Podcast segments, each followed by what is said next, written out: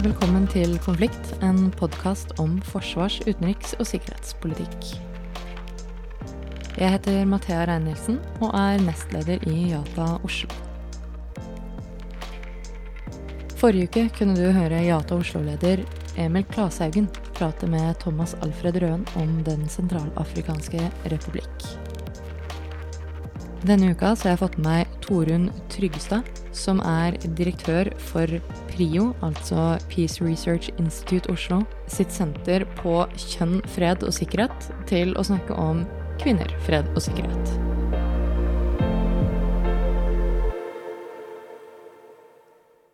Jeg må nesten starte med å ønske deg velkommen. Ja, tusen takk. Veldig hyggelig at du kunne ta deg tid til å prate med meg. Vi skal jo snakke om kvinner, fred og sikkerhet, eller KFS, særlig da i forbindelse med fredsprosesser og fredsforhandlinger. Mm. Men først så er jeg litt nysgjerrig på din bakgrunn, og hvordan du endte med å spesialisere deg på kvinner, fred og sikkerhet. Mm. Min bakgrunn ja, Jeg er utdanna innenfor statsvitenskap, kanskje med international relations-delen av statsvitenskap. Og jeg hadde min første jobb på NUPI, og jobba med et prosjekt som het Training for Peace in Southern Africa. Og Det handla veldig mye om at vi skulle bistå Dette var like etter apartheid-regimets fall, og vi skulle bistå myndighetene i regionen i dette med å bli mer internasjonalt orientert, bidra inn til FN og fredsoperasjoner. Så, så det prosjektet handla veldig mye om da å kjøre workshops der vi underviste om FN-systemet, om fredsoperasjoner. Uh, og så slo det meg mens jeg jobba med det der, at det var jo nesten bare menn som deltok. Og vi snakket knapt noe om kvinner eller kvinneperspektiv. Dette var jo på 90-tallet for så vidt, så da var ikke dette så veldig hva skal jeg si, i tiden.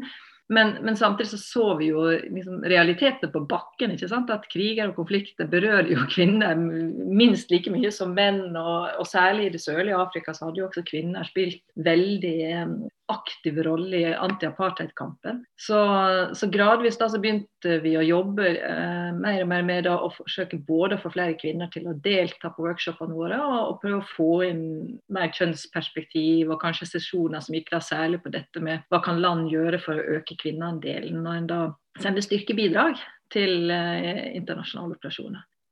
Så det var liksom det prosjektet. Og så Samtidig så, så jeg på NUPI da, sånn generelt i forskninga at det knapt fantes noe kjønnsperspektiv. Og dette var 90-tallet, og hele den utviklinga i retning av at uh, man snakka mer om menneskelig sikkerhet, en statlig sikkerhet, som var veldig sånn i tiden på 90-tallet.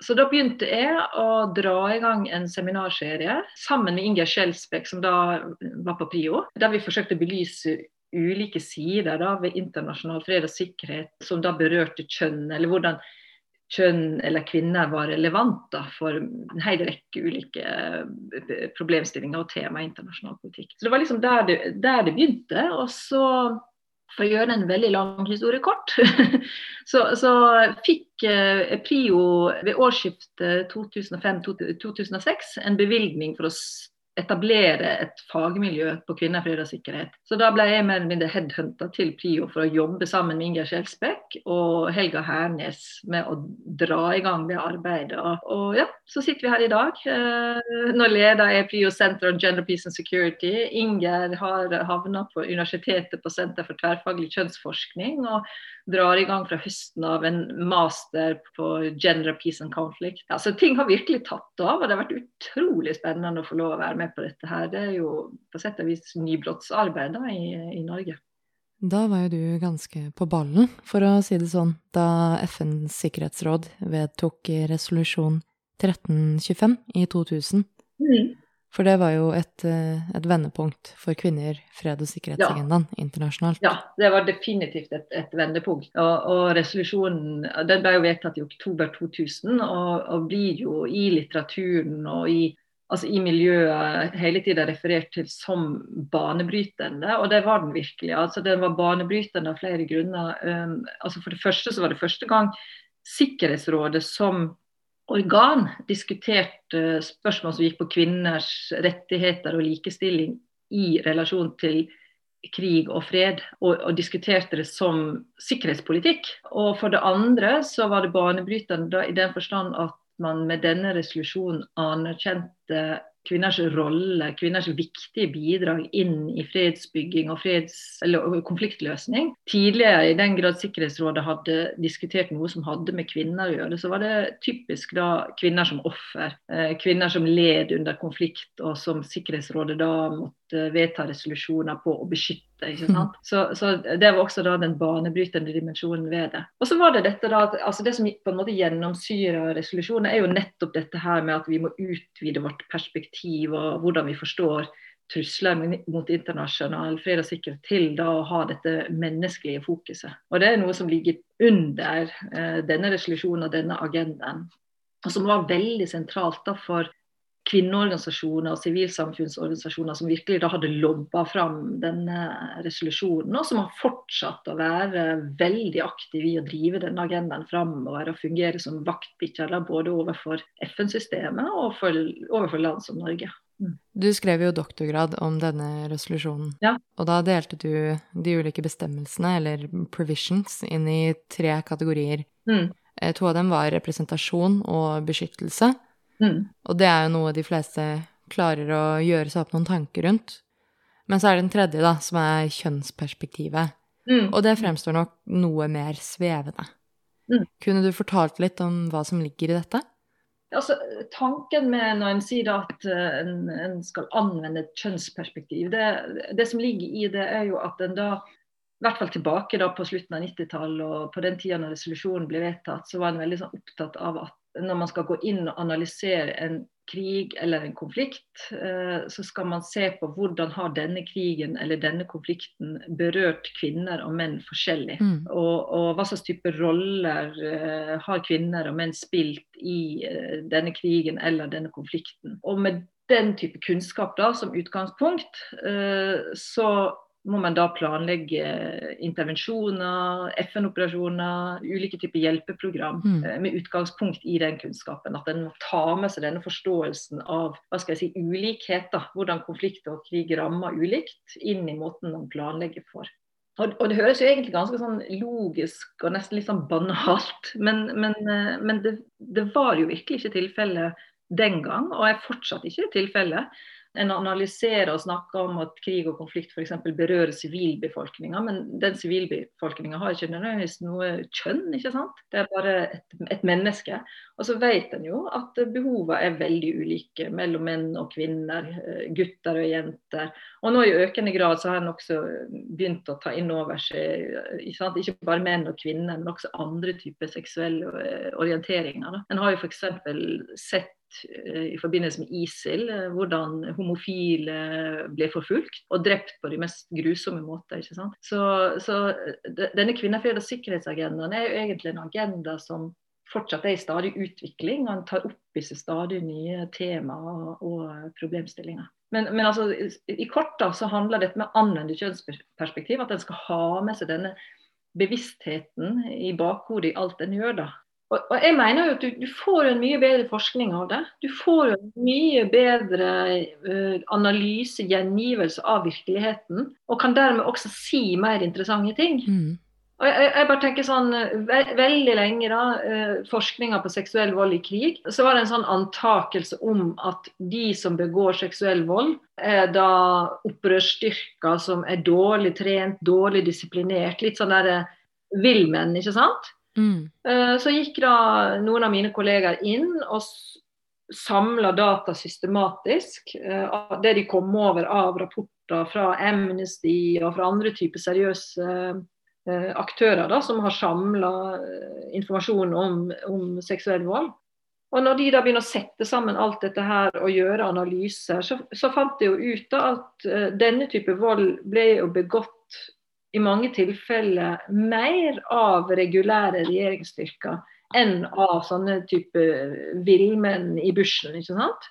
Og, og det, var sånn, det, det, var en sånn ordentlig øyeåpner, tror jeg. Både for mine kollegaer, men ikke minst da for, eh, for folk bl.a. i Utenriksdepartementet. Fordi at Det betyr jo også at uh, du kan uh, utvikle politikk på en helt annen måte. Fordi Hvis det da faktisk er slik at det dreier seg om regulære altså styrker som styresmakta kan ha kontroll over, så kan man jo faktisk gå inn og, og tilby eh, samarbeid omkring utdanning og kursvirksomhet. ikke sant? At en, at en lærer opp eh, styrker i eh, folkerett, i humanitærrett, den type ting. Og en, en, kan få på plass overvåkingsmekanismer. For det er klart at det er veldig vanskelig å få til noe tilsvarende med da opprørsstyrker som oppholder seg ute i jungelen og en knapt vet hvem de er. Men, men, jeg tenker at dette er et sånn veldig godt eksempel da, på hvor viktig det er å bryte ned forskningene på litt mer sånne mindre bestanddeler. Se hvem er det som skjuler seg bak tallene. ikke sant? Mm. Det er jo ofte en utfordring når man snakker om ulike menneskerettslige problemstillinger, at menneskerettigheter, som du jo sier, er dynamiske. Innholdet utvikles, man blir mer oppmerksom på nye grupper, nyanser. Mm.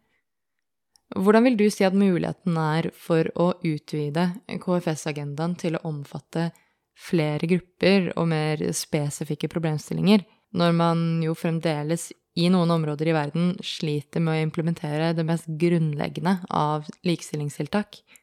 Jeg ser jo at det er jo den store spenninga i miljøet, da. Eh, særlig da i sivilsamfunnsmiljøet. Veldig mange av de sentrale aktørene altså både enkeltindivid og organisasjoner som, som har eh, fungert da, som vaktbikkjer og som lobbyister for denne agendaen.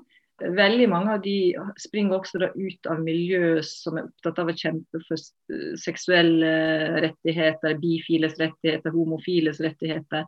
Og, og, som på en måte en, da, hva skal jeg si, en selvsagt utvidelse av agendaen, særlig for oss da i, i, i Vesten, hvis vi kan bruke den termen, i Europa og Nord-Amerika. Mens når man snakker med en del representanter fra sivilsamfunnsorganisasjoner i f.eks. afrikanske land, så blir jo de veldig bekymra. De sier jo 'vær så snill'. Altså Vi har problemer nok sånn som det å bli tatt eh, alvorlig og bli respektert som kvinner og få innpass og få være med i beslutningsprosesser, om de ikke også nå skal utvide denne agendaen. Så her er det en veldig stor spenning. Og jeg vet ikke om vi egentlig har funnet noen løsning på det. Jeg, jeg tror vel vi vil se tilpasninger alt etter kontekst. Eh, og at de som også lovierer er bevisst på da, hva slags type ord og termer og språk de bruker da, i, eh, i, sine kampanjer og når de forsøker å jobbe opp mot uh, ulike myndighetsorgan i forskjellige land. Men, men, du har helt rett, det er store spenninger her mellom ulike interesser, og, som da gjenspeiler at den har kommet veldig ulikt da, i utviklinga i ulike land og regioner i verden. Mm. Jeg hadde jo kjennskap til 1325-resolusjonen på forhånd, men noe som overrasket meg litt da jeg gjorde research på dette før vi skulle møtes, det var at det har blitt vedtatt ytterligere åtte resolusjoner på mm. kvinner, fred og sikkerhet etter 2000.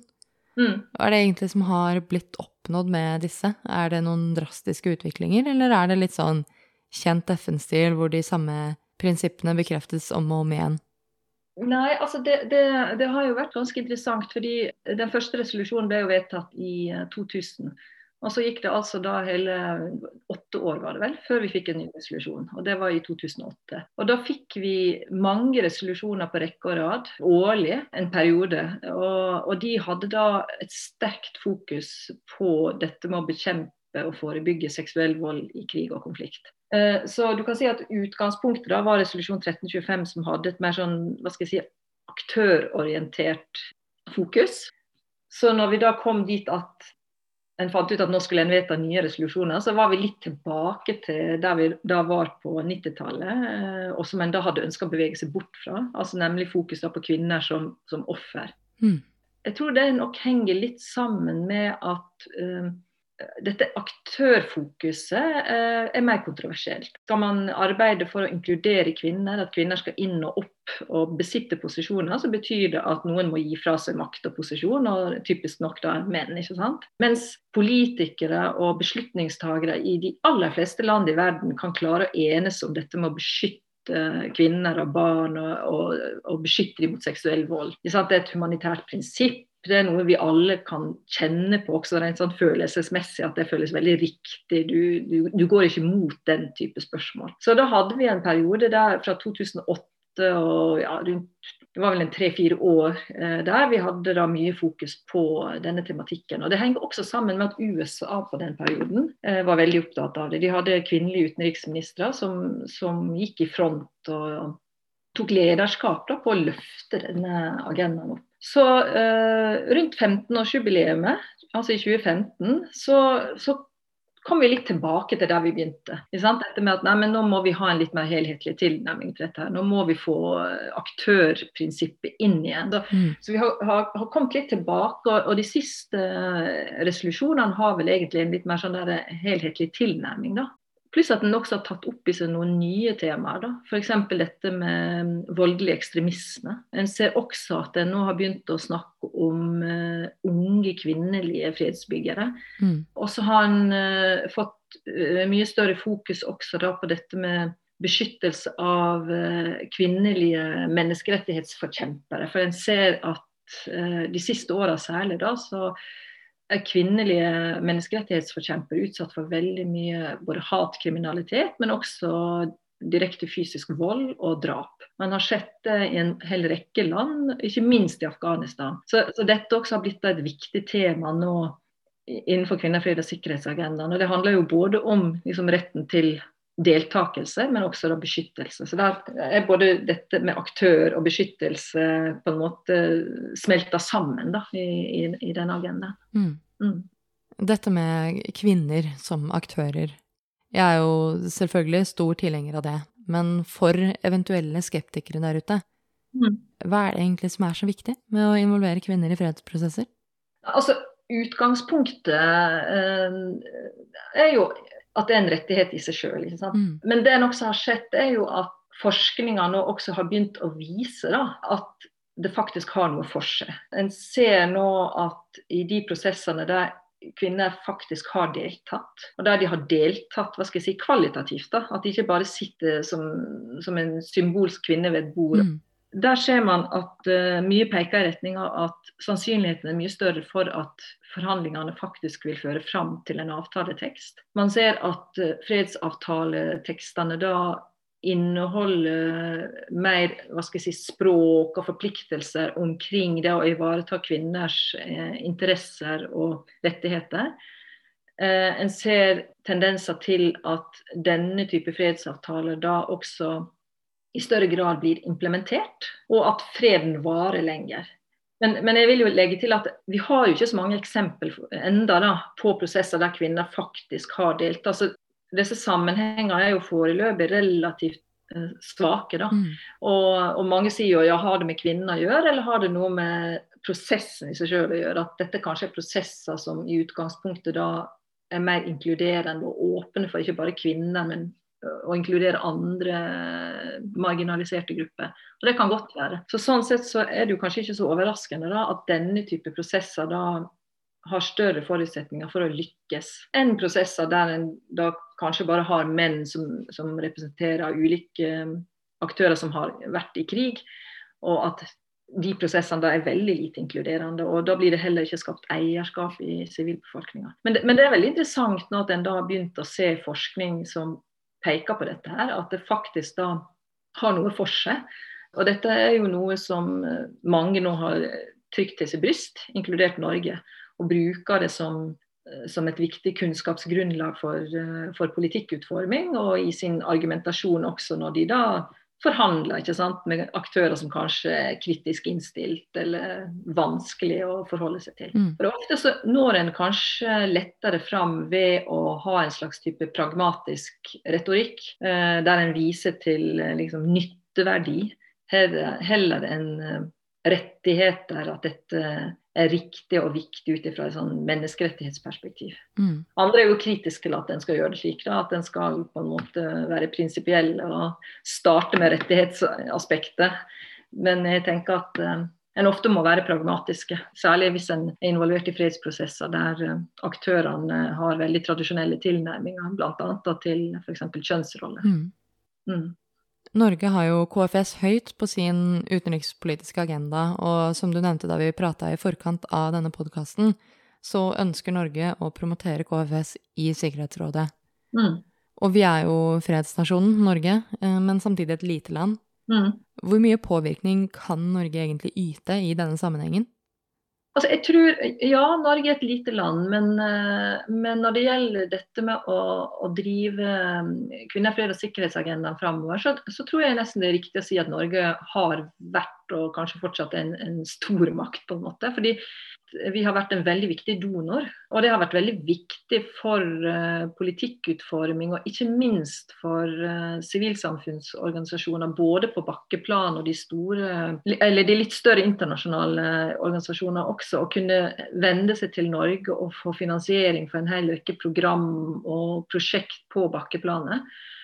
Og, og Norge har vært veldig aktiv aktive internasjonalt, både i FN og i ulike regionale organisasjoner, i å, å promotere den agendaen. og har stilt personell til disposisjon, de har lobba for etablering av ulike typer stillinger, som f.eks. innenfor Nato. da Nato fikk, fikk, på plass denne her spesialrepresentanten for, for kvinner, fred og sikkerhet. Mm. Så, så, Norge har gjort veldig mange viktige grep av, av den type, da, mer sånn generelt, da, eh, og, og, som har bidratt da, til å, å, fremme agendaen. Og jeg vet at, at internasjonalt, særlig særlig sivilsamfunnsorganisasjonene som er aktive på dette området, så er Norge sett på som en nær alliert. og liksom, de, de, snakker gjerne om Norge som en venn de kan stole på. ikke sant? Når det kommer til FN uh, og, da, og Sikkerhetsrådet, som Norge nå sitter i, så, så tror jeg nok også at Norge har mulighet til å å kunne påvirke og, og uh, endre politikk. Og, og jeg, jeg, tenker Vi har akkurat gjennomført et prosjekt på PRIO der vi har sett på Sveriges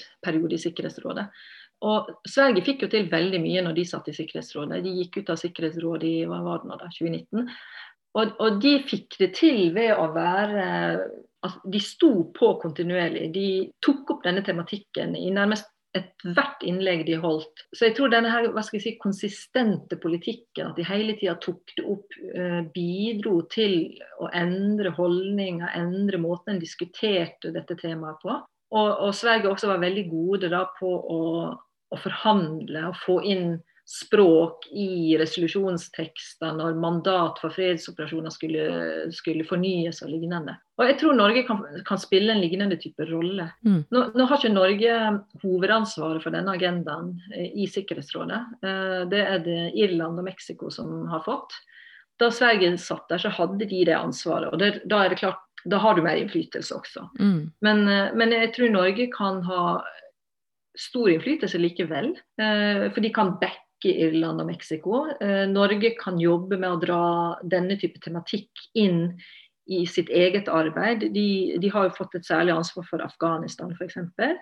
Og, og de har fått et særlig ansvar for temaområdet som heter barn i krig og konflikt. Eh, der kan de dra inn dette med kjønnsperspektiv. Og, og Norge er kjent for å være god da, på dette stille diplomatiet. ikke sant? Mm. Så jeg tror at Norge har gode muligheter til å kunne påvirke, hvis de vil. Og hvis de, og hvis de virkelig da tar opp denne stafettpinnen fra, fra Sverige. De, de, sier de skal gjøre det, men, men, jeg må jo si at jeg, jeg reagerte jo litt og ble litt forundra da Norge sendte ut sin første pressemelding på nyåret, da de akkurat hadde tiltrådt i Sikkerhetsrådet. Og, og, det var en pressemelding der de redegjorde for hvilke saksområder Norge nå hadde fått ansvar for. Og det fantes ikke én referanse til kvinner, fred og sikkerhet. Det må jeg si er overraska med, og på sett og vis også da var litt skuffende. For hvis du, hvis du, er seriøs med og virkelig da skal jobbe med denne tematikken, så tenker jeg da, da må du gjøre det fra dag én. Mm. Jeg har lyst til å avslutte med et spørsmål som ville vært mer kuriøst for et år siden, men nå er vi altså der at dette egentlig er et helt legitimt spørsmål.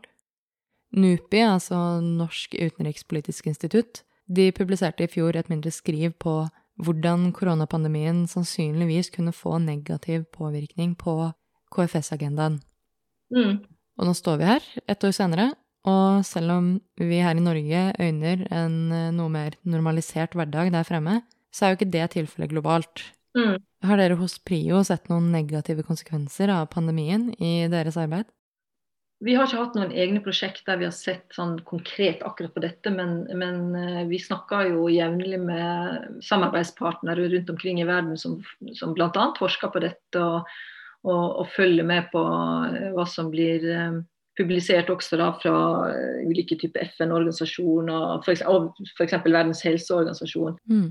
Så, så, pandemien har hatt ulik effekt. Det aller mest bekymringsfulle er vel da økt vold mot kvinner og barn. At pandemien har gjort det svært vanskelig for det internasjonale samfunnet å nå ut til de som trenger hjelp, humanitær hjelp, og også utviklingsbistand. Eh, det en også har sett, er jo Jeg tror Verdens helseorganisasjon eh, kom ut med noen tall som sa at 70% av de som jobber i, hva skal jeg si, i førstelinja, da, helse og omsorg, er kvinner. Sånn at de da er jo veldig sterkt utsatt for, for smitte. Og gjør, gjerne gjør det ulønna, som gjør at de ikke har noe inntekt. Og, og at de ofte da ikke sant, er familiens overhode. Mm. Kvinner var allerede utgjorde en stor andel av verdens fattige, og har trolig blitt enda fattigere.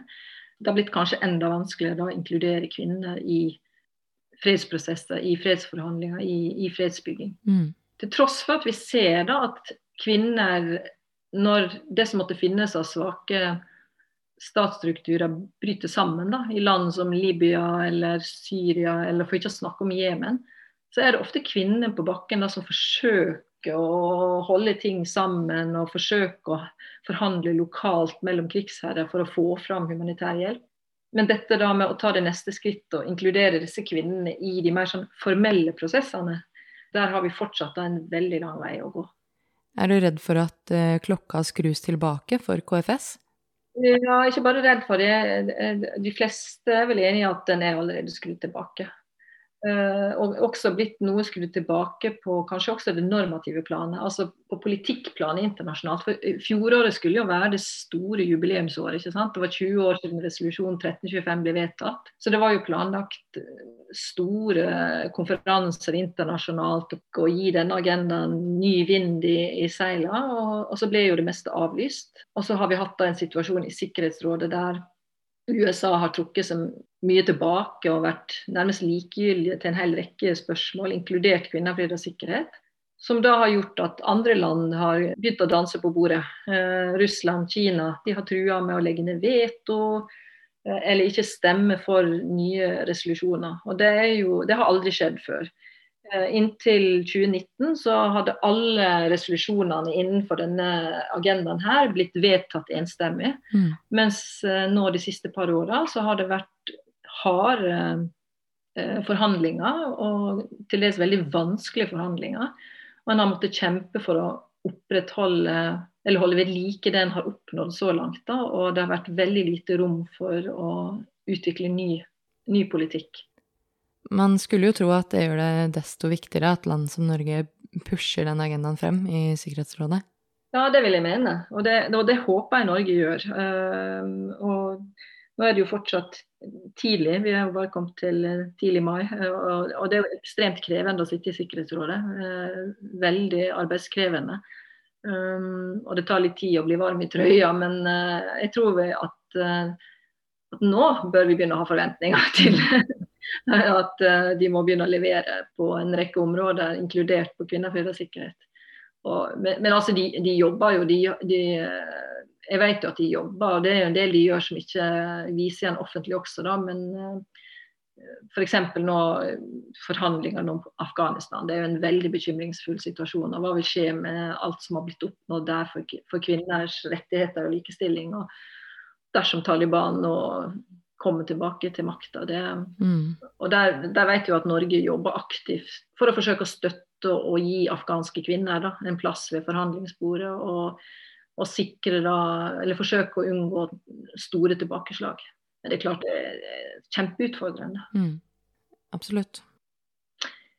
Nei, altså vi, vi, eh, vi, vi slutta jo kanskje nå på en litt sånn pessimistisk eh, måte, da. Men uh, altså, jeg, altså, jeg, har jo blitt mye mer optimistisk nå, ikke minst med, med, i og med at vi har fått, uh, fått, en ny administrasjon inn i USA. Mm, ja. Ja, med president Biden, og en ser jo allerede forandringene. ikke sant? At han har satt inn en FN-ambassadør som er på og reversert mye av eh, politikken som Trump iverksatte. og har sagt at dette med kvinne- og likestillingsspørsmål skal løftes i amerikansk utenrikspolitikk. Og når et land som USA tar lederskap igjen, så vil en hel rekke land følge etter.